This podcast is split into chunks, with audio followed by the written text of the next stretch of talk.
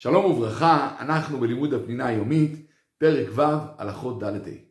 כמו שאמרנו באופן כללי, צריך האדם לשמור על מנהגי אבותיו, וסמכו את זה על הפסוק, ואל תשתוש תורת אמך. אלא שלמרות העיקרון הזה, ברור שיש שיקולים מסוימים שיותר חשובים מהשיקול הזה. וניתן כמה וכמה דוגמאות. אדם שבנוסח אבותיו בוודאות יכוון פחות. טוב שיתפלל בנוסח שמכוון יותר. אלא שכאן צריך להגיד שאם יש לו ספק, עדיף שיבחר בנוסח אבותיו. כי לטווח הארוך, בדרך כלל האדם מתחבר ומכוון יותר בנוסח אבותיו. אבל אם ברור לו שבנוסח אחר יכוון יותר, שיעבור לנוסח אחר, כי העיקר בתפילה הכוונה. עוד דוגמה, אשכנזי שרוצה להתפלל עם כוונות הארי, שהם הוסמכו על נוסח הספרדי. מותר לו להתפלל בנוסח ספרדי. וכך אגב נהג רבו של החתם סופר, הרב נתן אדלר, ועוד כמה וכמה גדולים שנהגו בדבר הזה, אלא שהם נהגו בזה ולא המשיכו אה, בני משפחותיהם לנהוג בזה, רק הם, שהם כיוונו. אמנם גדולי החסידות רצו להעביר את כולם לנוסח הארי, אפילו אלה שלא מכוונים.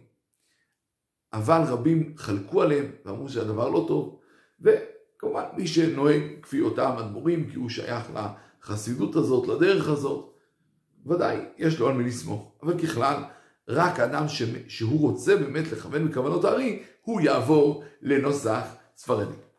כאשר יש בית כנסת אחד בנוסח אבותיו, בית כנסת שני שלא בנוסח אבותיו, אבל שם יש הרבה יותר שיעורי תורה, ואם הוא ילך לשם הוא יודע שהוא ילמד הרבה יותר תורה, טוב שילך למקום שלומדים יותר תורה. והדבר הזה נכון גם לבחירת ישיבה.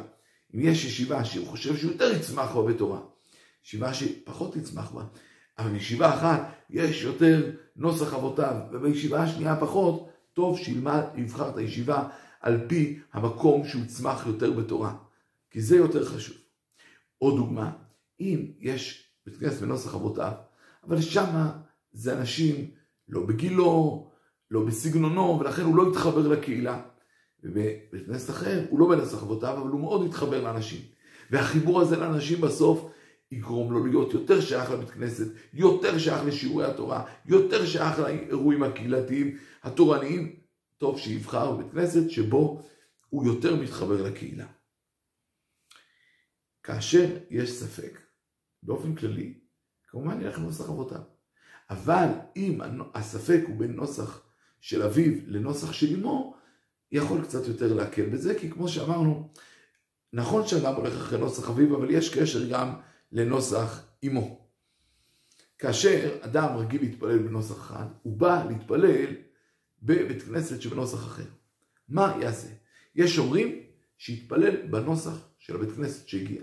שהרי כתוב לא תתגודדו, וכתוב לעולם אל ישנה אדם מפני המחלוקת, ואנחנו לא רוצים שהתורה תהיה כשתי תורות, אז באת למקום מסוים, הם נוהגים כך, תעשה כמנהגם.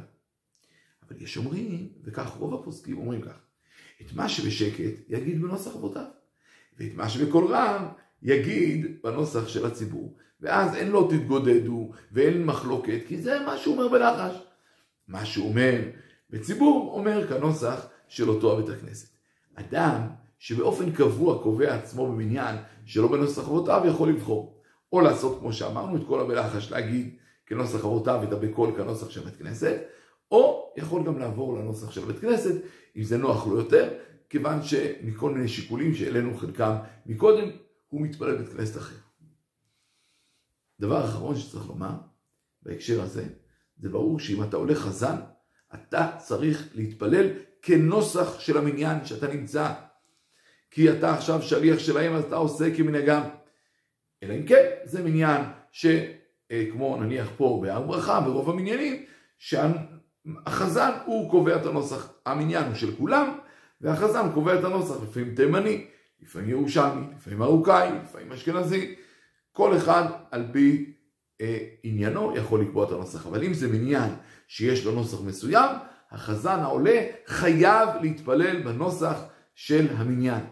ונסיים בשאלה, מה הדין כאשר יש בית כנסת אחד שהוא בנוסח אבותיו, ובית כנסת שני, שם הוא חושב שהוא יכוון יותר.